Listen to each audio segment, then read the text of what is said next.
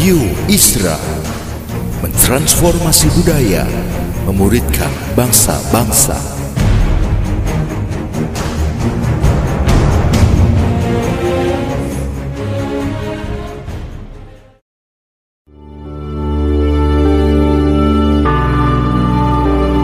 Apostolic Prophetic Messages mengungkapkan pesan dan arahan dari hati Tuhan bagi gerejanya demi menuntaskan mandat kerajaan Allah di Indonesia dan bangsa-bangsa.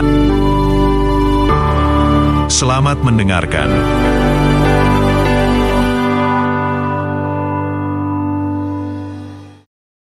Eh, saya undang saudara untuk buka bersama dengan saya dalam 1 Korintus pasal 13.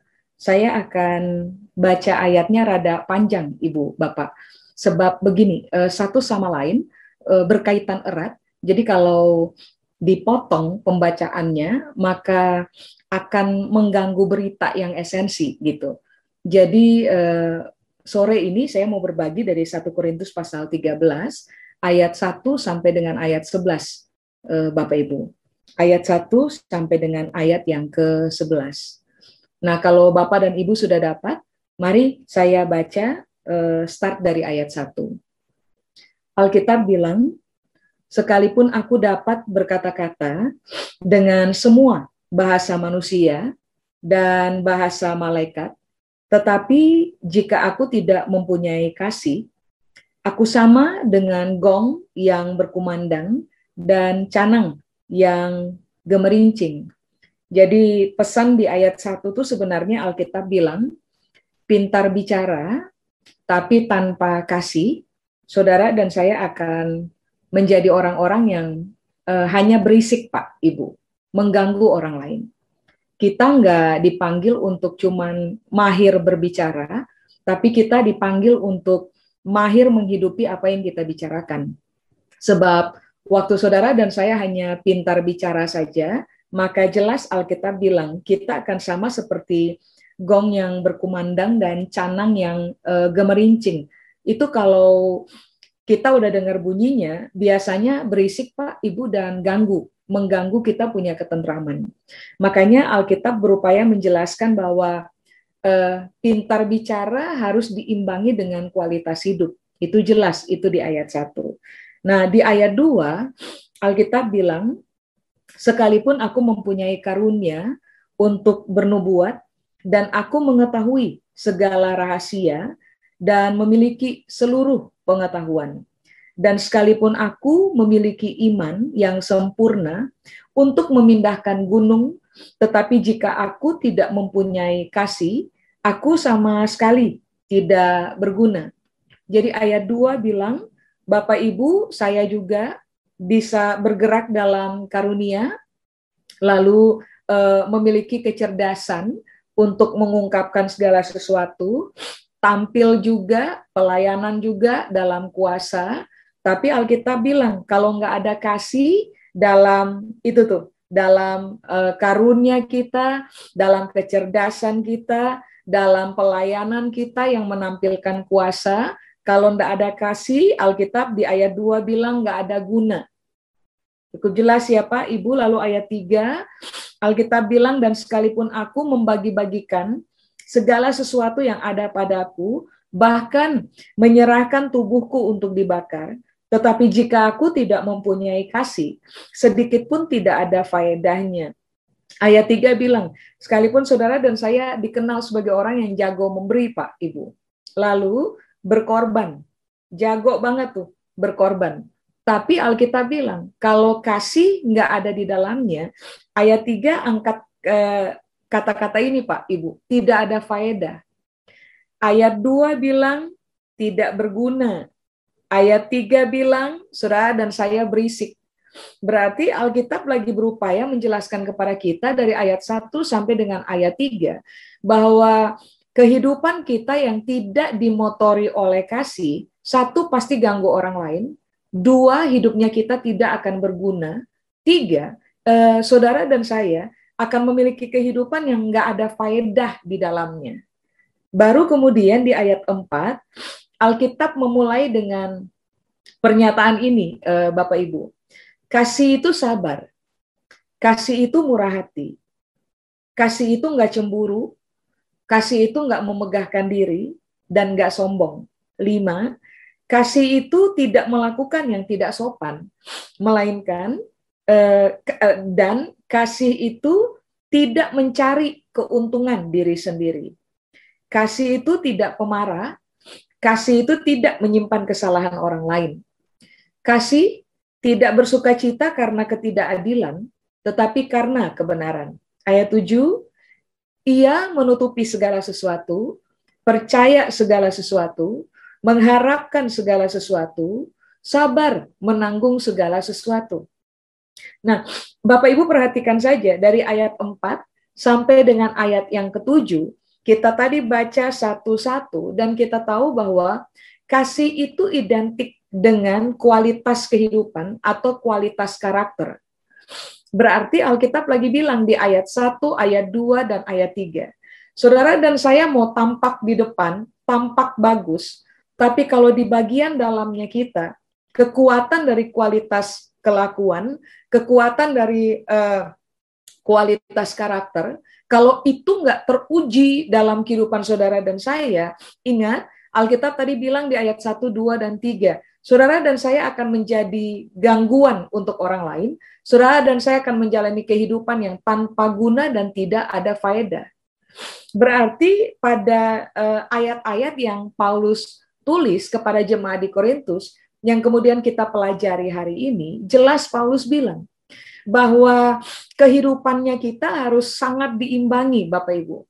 Kita boleh dikenal sebagai orang yang mengerjakan ayat 1, 2, dan 3, tetapi eh, keberfungsian kita itu akan menjadi semakin teruji, tolak ukurnya adalah apakah saudara dan saya memiliki karakter seperti yang tertulis dari ayat 4 sampai dengan ayat 7 enggak? Sebab kalau saudara dan saya tidak memiliki kualitas kehidupan, kelakuan atau karakter seperti yang tertulis pada ayat 4 sampai dengan ayat yang ketujuh, eh, saya ulangi, jelas. Nanti perhatikan saja. Kehidupan yang kita jalani akan menjadi kehidupan yang yang menyimpulkan ayat 1, menyimpulkan ayat 2 dan juga menyimpulkan ayat 3. Saya yakin betul Bapak Ibu bahwa semua kita mau sehingga kehidupan kita ini adalah kehidupan yang berguna, kehidupan yang berfaedah, kehidupan yang tidak menjadi gangguan bagi orang lain. Kita semua maunya bahwa ke mana pun kita pergi, di mana saja kita berada, dengan siapa saja kita berinteraksi, harusnya orang melihat kualitas Kristus di dalam kita. Makanya mengapa menyoroti ayat 1, ayat 2, dan ayat 3 sangat penting, lalu menyoroti ayat 4 sampai dengan ayat 7 sangat penting tujuh ayat ini adalah tujuh, tujuh ayat yang sedang berupaya untuk mengajarkan kepada kita bahwa keseimbangan dalam kehidupan itu penting. Bapak Ibu, eh, begini, eh, Tuhan tidak panggil saudara dan saya hanya untuk terlihat eh, bagus di atas mimbar, enggak. Dari sejak awal kalau saudara pelajari perjanjian lama dan juga perjanjian baru, saudara akan mendapati bahwa yang Tuhan berkali-kali ajarkan untuk kita adalah keseimbangan. Kalau hari ini kita bermain uh, istilah pelayanannya, kalau hari ini kita pelayanan di atas mimbar, itu bagus. Tapi begini, hiduplah seimbang. Saudara dan saya harus dikenal sangat bagus di atas mimbar, tapi kehidupan nyata tiap-tiap hari yang jauh lebih besar porsinya yaitu di bawah mimbar, itu semua orang harus mendapati kita kaya dengan kualitas. Amin Bapak Ibu. Makanya kenapa ayat 1 sampai dengan ayat 7 sebenarnya mengajarkan tentang keseimbangan. Nah sekarang begini, eh, kapan saudara dan saya bisa berhasil hidup ke dalam keseimbangan. Ayat 1 sampai 3 kita kerjakan, tapi ayat 4 sampai ayat 7 juga kita kerjakan. Begini, ayat 8 Bapak Ibu. Di ayat 8 Alkitab bilang, kasih tidak berkesudahan. Nubuat garis bawahi akan berakhir.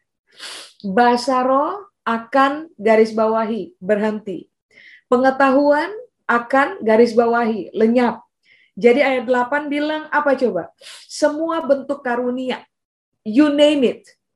Ayat 8 bilang bakal berakhir, bakal lenyap, bakal berhenti. Tapi ayat 8 bilang kasih itu tidak berkesudahan. Ayat 4 sampai ayat 7 yang menerjemahkan kualitas dari karakter di dalam kita, rupa-rupanya Alkitab bilang itu tidak berkesudahan dalam dalam pemahaman kita kan begini Pak Ibu. Pada satu hari nanti semua yang ada pada ayat 1 sampai ayat 3 itu bisa kita bilang berakhir, berhenti dan lenyap.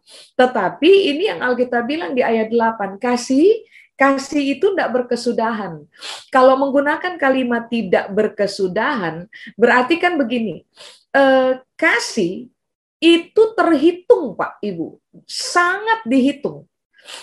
Pada momen saudara dan saya menginjakan kaki di bumi kita, tetapi kasih dalam hidup kita itu juga akan tetap dihitung pada momen saudara dan saya tidak lagi tuh menginjakkan kaki kita di dunia atau di bumi. Artinya kan ini yang yang Alkitab berupaya jelaskan di ayat 8 bahwa kalau Tuhan mau main berhitung, kalau Tuhan mau menilai saudara dan saya punya kehidupan, maka dia akan menilai kita bahwa begini, pada momen kita hidup, kita seimbang dalam ayat 1, 2, 3 sampai dengan ayat 7. Tetapi apa pun yang kita kerjakan selama kita hidup, start dari ayat 4 sampai dengan ayat 7, rupa-rupanya ini yang Alkitab bilang. Nah, itu akan bertahan sampai kepada kekekalan. Bapak Ibu, hari ini kita hidup, hari ini kita bergerak. Hari ini kita semua memberi diri untuk melayani Tuhan. Tapi ingat ini baik jelas Alkitab bilang, semua yang kita kerjakan dalam kaitannya dengan dedikasi pengabdian kita kepada Tuhan uh, pada everyday living, somehow ayat 8 bilang semuanya akan lenyap. Tetapi kasih kekuatan karakter yang kita hidupi selama kita hidup itu akan tetap berbicara sangat kuat sampai kepada kekekalan. Nah, jelas kita tahu semua orang pada satu hari nanti akan berhadapan dengan Tuhan. One on one. Nah, pada momen kita berhadapan dengan Tuhan one on one, kasih di dalam kita akan berbicara sampai pada momen itu, Pak, Ibu. Makanya kenapa Alkitab bilang kasih tidak berkesudahan. Hidupnya kita secara jasmania akan selesai, tetapi kekuatan kasih yang bekerja dalam hidupnya kita akan berbicara di hadapan Tuhan sampai kepada proyeksi kekekalan. Makanya ini sekarang yang perlu kita cermati tentang dirinya kita. Saudara dan saya dikenal orang sebagai begini, orang yang bagus saja di bagian luar dan juga bagus di bagian dalam, atau saudara dan saya dikenal oleh orang-orang yang ada di dekat kita tampak bagus di luar, tapi tidak bagus di dalam. Nah, ini yang ibu, bapak, dan juga saya harus kejar. Kita harus mengejar kualitas kehidupan begitu rupa, supaya kualitas kehidupan kita itu berbicara atas nama kita di hadapan Tuhan sampai kepada proyeksi kekekalan. Makanya coba, Bapak Ibu perhatikan di ayat 9 Kapan orang bisa berhid, ber, berhasil hidup dalam dalam kasih dan kekuatan kasih yang bekerja dalam kita itu akan membela kita sampai kepada proyeksi kekekalan. Nah, kapan kita bisa teruji dalam kualitas uh, kasih? Ayat 9 Alkitab bilang, ayat 8 saya baca ulang, kasih tidak berkesudahan, nubuat akan berakhir, bahasa roh akan berhenti, pengetahuan akan lenyap, Sebab pengetahuan kita tidak lengkap. Nubuat kita tidak sempurna. Jadi ayat 9 tuh lagi memberitahukan kepada kita bahwa ayat 1, ayat 2, ayat 3 yang tadi kita baca itu nggak lengkap. Nggak sempurna juga. Sudah? Nah sekarang ayat 10, Bapak Ibu bisa lihat. Tetapi jika yang sempurna itu tiba, maka yang tidak sempurna itu akan lenyap. Sudah? Nah, sekarang begini, ayat 11 langsung aja. Ketika aku kanak-kanak, aku berkata-kata seperti kanak-kanak. Aku merasa seperti kanak-kanak, aku berpikir seperti kanak-kanak. Sekarang, sesudah aku menjadi dewasa, aku meninggalkan uh, sifat kekanak uh, sifat kanak-kanak itu. Saya langsung baca baru kemudian nanti saya jelaskan kepada Bapak dan Ibu ayat 12. Karena sekarang kita melihat dalam cermin suatu gambaran yang samar-samar. Tetapi nanti kita akan melihat muka dengan muka. Sekarang aku tidak eh sorry, sekarang aku hanya mengenal dengan tidak sempurna.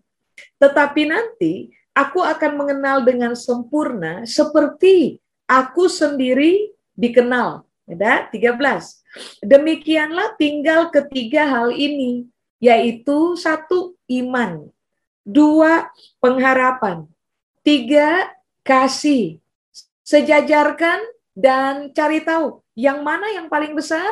Ayat 13 bilang kasih yang paling besar.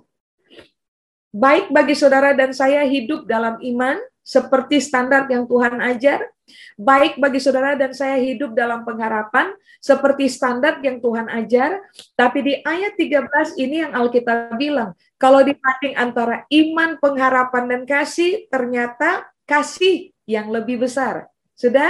Nah, sekarang kita kembali ke ayat yang ke eh, 10. Tadi kan kita bilang di ayat 9, semua segala sesuatu akan berakhir. Lalu di ayat 10 Alkitab bilang, kalau yang sempurna itu tiba, maka yang tidak sempurna akan lenyap. Tadi coba perhatikan. Alkitab bilang bahwa nubuat akan berakhir, eh, bahasa roh akan berhenti, lalu pengetahuan akan lenyap. Sudah? Lalu di ayat 10 saya ulang. Alkitab bilang, jika yang sempurna itu tiba, yang tidak sempurna mengacu kepada ayat 1, 2, 3, 8. Yang tidak sempurna akan lenyap. Berarti Alkitab lagi bilang gini, kapan orang bisa berhasil hidup uh, sesuai dengan standar ayat 4 sampai 7. Definisi kasih, kualitas kelakuan dalam hidup kita tiap-tiap hari. Ternyata Alkitab bilang, uh, begini, kasih hanya akan terjadi ketika saudara dan saya mengalami keadaan begini, sempurna itu datang. Nah, mari saya jelaskan dulu kepada Bapak dan Ibu, kata sempurna. Kata sempurna pada ayat yang ke-10 itu menggunakan kata Yunani teleios. Apakah teleios? Teleios punya arti yang pertama adalah begini. Kadar penuh Kristus di dalam kita.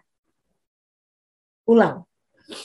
Kalau yang sempurna itu datang, kalau kadar penuh Kristus itu uh, uh, apa datang dalam kehidupan kita, ada di dalam kita, maka yang tidak sempurna itu akan lenyap. Jadi yang akan sangat dominan menguasai kehidupan kita adalah kualitasnya Pak Ibu. Bukan sekedar kuantitas yang akan menjadi sangat mendominasi hidupnya kita bukan sekedar apa yang tampal tampak pada uh, uh, appearance pada apa yang tampil di luar tetapi begini kalau kadar dari kualitas Kristus itu menjadi utuh di dalam saudara dan saya maka kasih akan berbicara sangat dominan di dalam kita kita akan terlibat mengerjakan ayat 1, ayat 2, ayat 3. Tetapi yang kita kerjakan pada ayat 1, ayat 2, ayat 3, yang kemudian didominasi oleh kasih, itu akan membuat kehidupan kita sangat seimbang. Kehidupan kita akan menjadi sangat utuh, lalu kita akan menjadi orang-orang yang sangat berfaedah. Hidupnya kita akan menjadi sangat berguna. Saudara dan saya tidak akan menjadi gangguan bagi orang lain Makanya kenapa di ayat 10 bilang, kalau yang sempurna itu datang, yang gak sempurna akan lenyap. Keadaan kita tidak berguna, keadaan kita tidak berfaedah, keadaan kita menjadi batu sandungan bagi orang lain, itu akan lenyap. Sehingga pada akhirnya, eh, kadar utuh, kadar penuh dari kualitas Kristus itu yang akan sangat mendominasi kehidupan kita. Nah, itu pengertian yang pertama dari kata sempurna atau teleios. Pengertian yang kedua dari kata sempurna atau teleios, Pak, Ibu, adalah begini. Matang atau dewasa. Berarti Alkitab lagi bilang, kapan orang menjadi tidak berguna?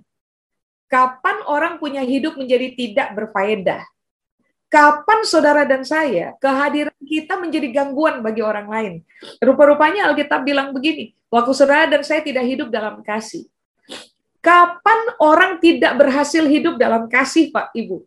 Ternyata 10 bilang ini, waktu mereka tidak matang, waktu mereka tidak dewasa. Makanya Bapak Ibu coba perhatikan saja, perhatikan saja semua orang yang hidup dewasa di dalam Kristus, kasih itu akan menjadi gaya hidup mereka. Bapak Ibu, kasih bukan program. Kasih itu gaya hidup yang nanti akan tampil sangat natural dalam hidupnya kita. Ternyata ayat 10 bilang, waktu saudara dan saya mulai bermain pada kadar kepenuhan Kristus Waktu saudara dan saya mulai bermain kepada kualitas kedewasaan atau kualitas kematangan di dalam kita. Siapa pun yang matang atau dewasa dalam Kristus, ke mana pun mereka pergi, di mana saja mereka berada, mereka akan dikenal sebagai duta-duta kasih dalam kehidupan. Sebab kasih sudah bukan lagi menjadi teori, Pak Ibu. Kasih akan berubah. Untuk orang-orang yang dewasa di dalam Kristus, kasih itu akan berubah menjadi kelakuan tiap hari, naturally, secara natural. Amin. Sehingga pada akhirnya Bapak Ibu dan saya, ketika kita menjadi orang-orang dewasa dalam Kristus yang terfokus kepada kepemilikan kadar penuh Kristus di dalam kita, akan menjadi orang-orang yang yang begini Pak Ibu, hmm, sabarnya tuh natural Sabarnya nggak dibuat-buat. Murah hatinya tuh natural. Murah hatinya nggak dibuat-buat. Rendah hatinya itu natural.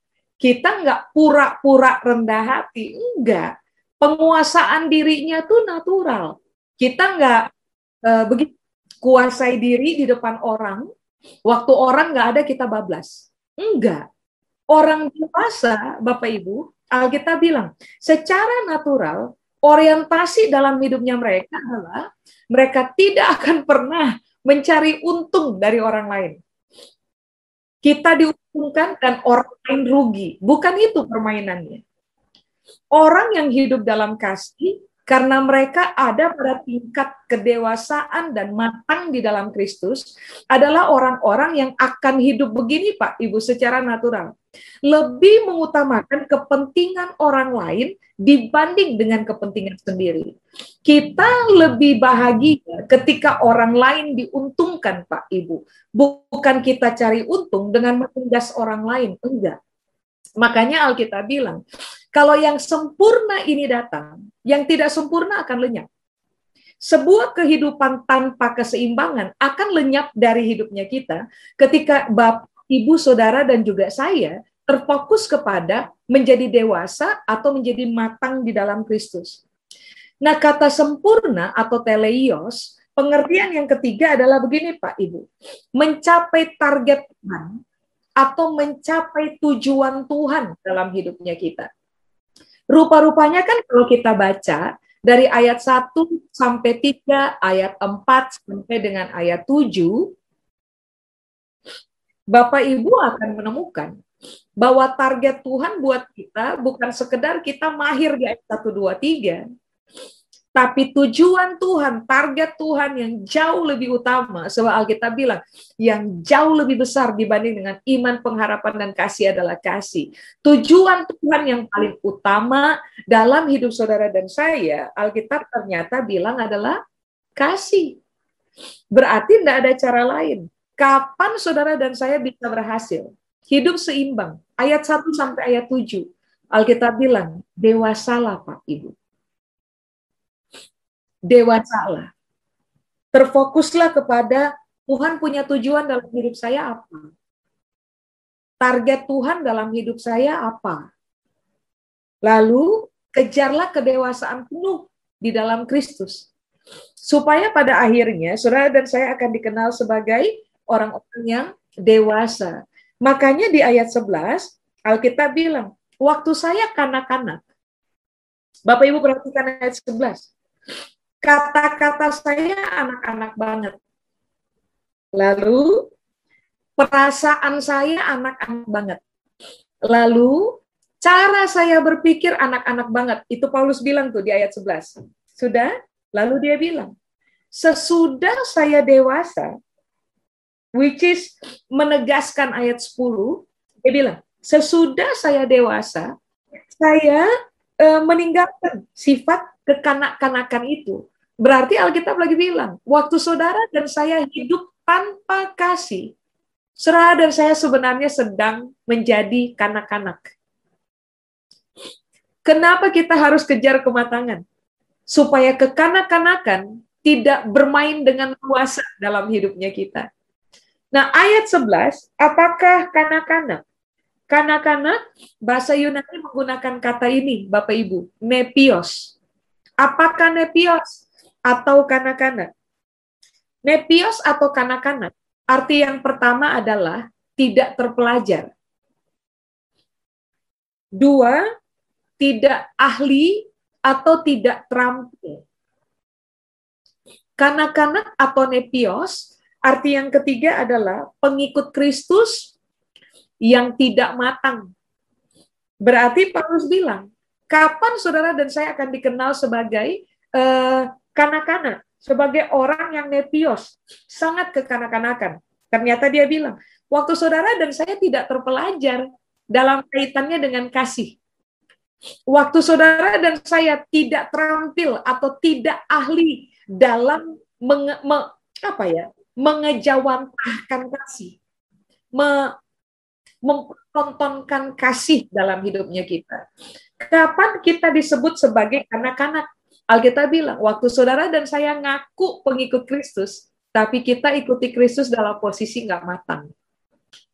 Makanya tadi kan ayat 10 bilang, kalau yang sempurna itu datang, kalau saudara dan saya dikenal sebagai orang-orang yang matang, eh, sempurna, dewasa, utuh memiliki kadar kepenuhan Kristus yang utuh dalam hidupnya kita, ayat 11 akan bilang ini, kita akan terpelajar sekali dalam kasih.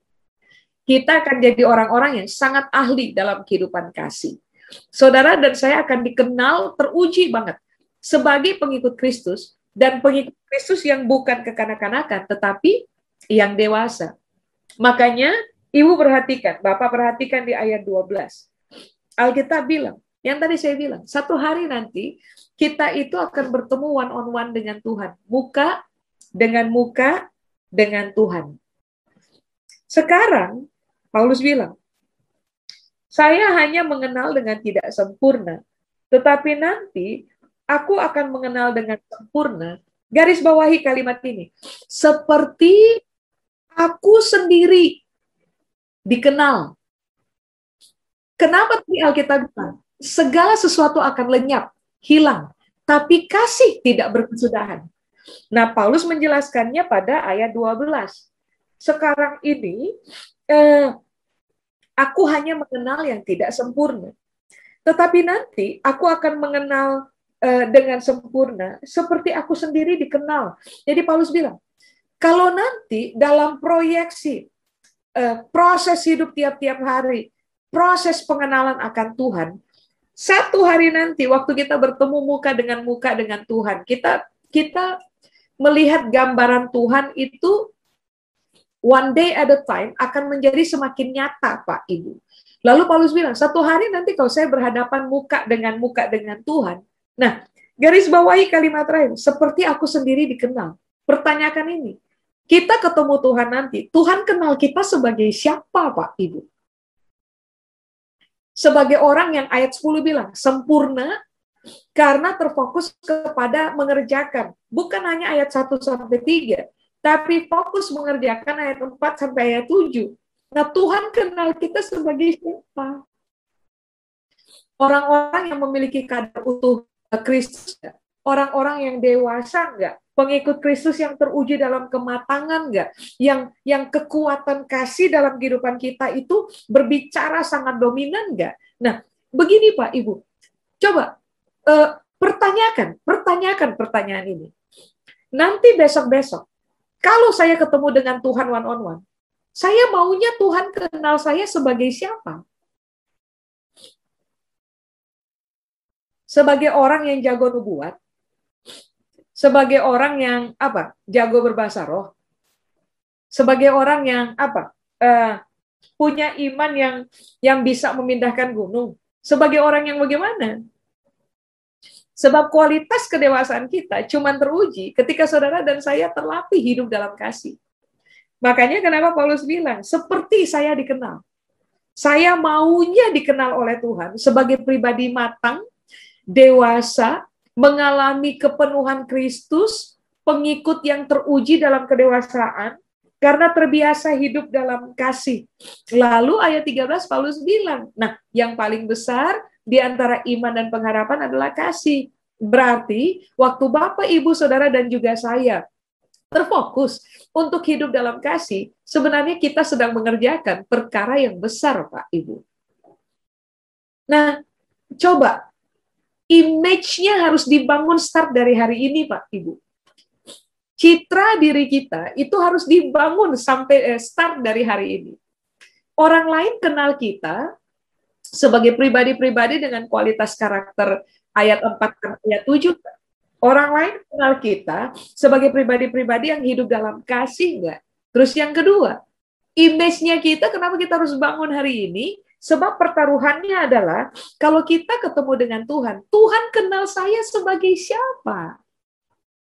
Jago pelayanan di atas mimbar. Atau Tuhan kenal saya sebagai orang yang terbiasa, terbiasa, sangat natural dalam mengekspresikan kelakuan kasih dalam hidup tiap-tiap hari. Bapak Ibu, eh, kalau boleh saya pakai kalimat ini, eh, Jangan senang dulu kalau orang luar puji kita.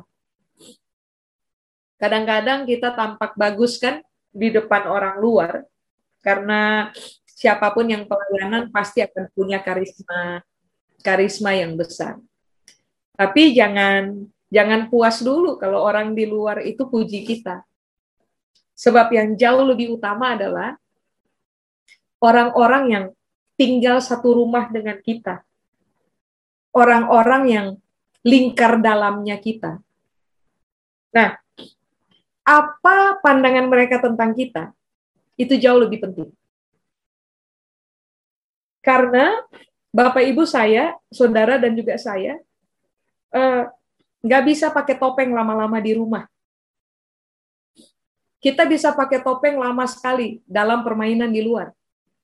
Tapi kita nggak bisa pakai topeng lama-lama di rumah Sebab siapa pun yang tinggal dengan kita cepat atau lambat, mereka pasti tahu siapa kita. Waktu mereka hidup in everyday living bersama-sama dengan kita. Nah, apa yang hari ini perlu menjadi bahan pertimbangan utama kita, Pak Ibu, yang adalah tujuan Tuhan bagi kita, kehendak Tuhan bagi kita adalah begini.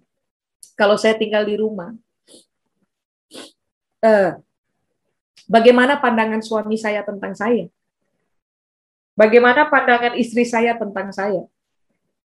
Bagaimana pandangan anak-anak saya tentang saya, orang tua saya tentang saya, uh, ipar saya, uh, apalagi saudara kandung saya, uh, mertua saya, menantu saya, bagaimana mereka melihat saya?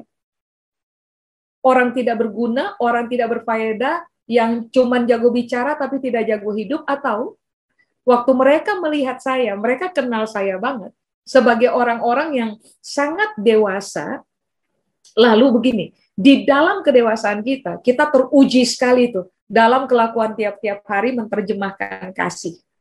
Seperti yang tadi saya bilang, hari ini kita harus dikenal oleh orang-orang di dekat kita sebagai orang yang hidup dalam kasih.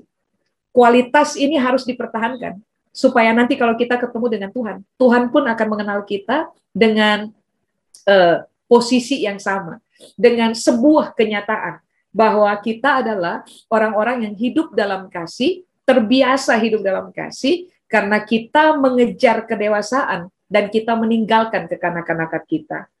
Cara berpikir kita dewasa, eh, apalagi perasaan kita dewasa, cara kita berkelakuan dewasa.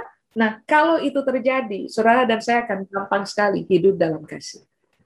Amin, Bapak Ibu. Saya selesai. Saya selesai, Bapak Ibu. Mari, mari kita kita berdoa lebih dahulu. Kami berterima kasih untuk firman Tuhan hari ini. Kalau kami masih hidup dalam kekanak-kanakan, kiranya kebenaran firman Tuhan hari ini menolong kami untuk memahami ada hal yang jauh lebih inti untuk dikerjakan dalam kehidupan. Sehingga kami berani meninggalkan kekanak-kanakan dalam diri kami dan terfokus untuk mengejar kedewasaan. Supaya pada akhirnya di dalam posisi semakin hari semakin dewasa, semakin hari semakin matang, kami akan dikenal sebagai orang-orang percaya yang mahir menghidupi ayat 1 sampai 3 tapi juga mahir menghidupi ayat 4 sampai dengan ayat 7. Supaya pada akhirnya kami juga akan dikenal oleh orang-orang di dekat kami, bahkan dikenal oleh Tuhan. Sebagai orang-orang matang yang mahir hidup dalam kasih. Hari ini saya berdoa kiranya kami semua terlatih, terampil, jadi sangat ahli, sabar dalam hidup, murah hati dalam hidup, tidak terbiasa memegahkan diri, tidak sombong, tidak mencari keuntungan diri sendiri, dan seterusnya, dan seterusnya. Kami berdoa biarlah ke mana pun kami pergi, di mana saja kami berada. Image dewasa itu melekat kuat dalam kami. Kualitas Kristus terbaca nyata di dalam kami. Sehingga banyak orang akhirnya bersyukur dalam interaksi pribadi mereka dengan kami tapi waktu kami ketemu dengan Tuhan pun, Tuhan akan mengenal kami sebagai orang yang terlatih hidup dalam kasih karena kami beranjak dewasa dari satu hari ke satu hari. Tolong kami untuk mencapai Tuhan punya target, tolong kami untuk mencapai Tuhan punya tujuan, supaya Tuhan disenangkan sementara kami ada di bumi, tapi Tuhan pun disenangkan waktu kami bertemu dengan Tuhan di dalam kekekalan. Seluruh kebenaran ini kiranya Tuhan materaikan dalam pemahaman kami, supaya pada akhirnya kami dikenal sebagai pelaku-pelaku kebenaran, dan bukan hanya pendengar saja. Rahmatmu menyertai kami turun-temurun, kepada Tuhan seluruh kemuliaan. Di dalam nama Yesus kami berdoa. Amin. Radio Isra mentransformasi budaya memuridkan bangsa-bangsa.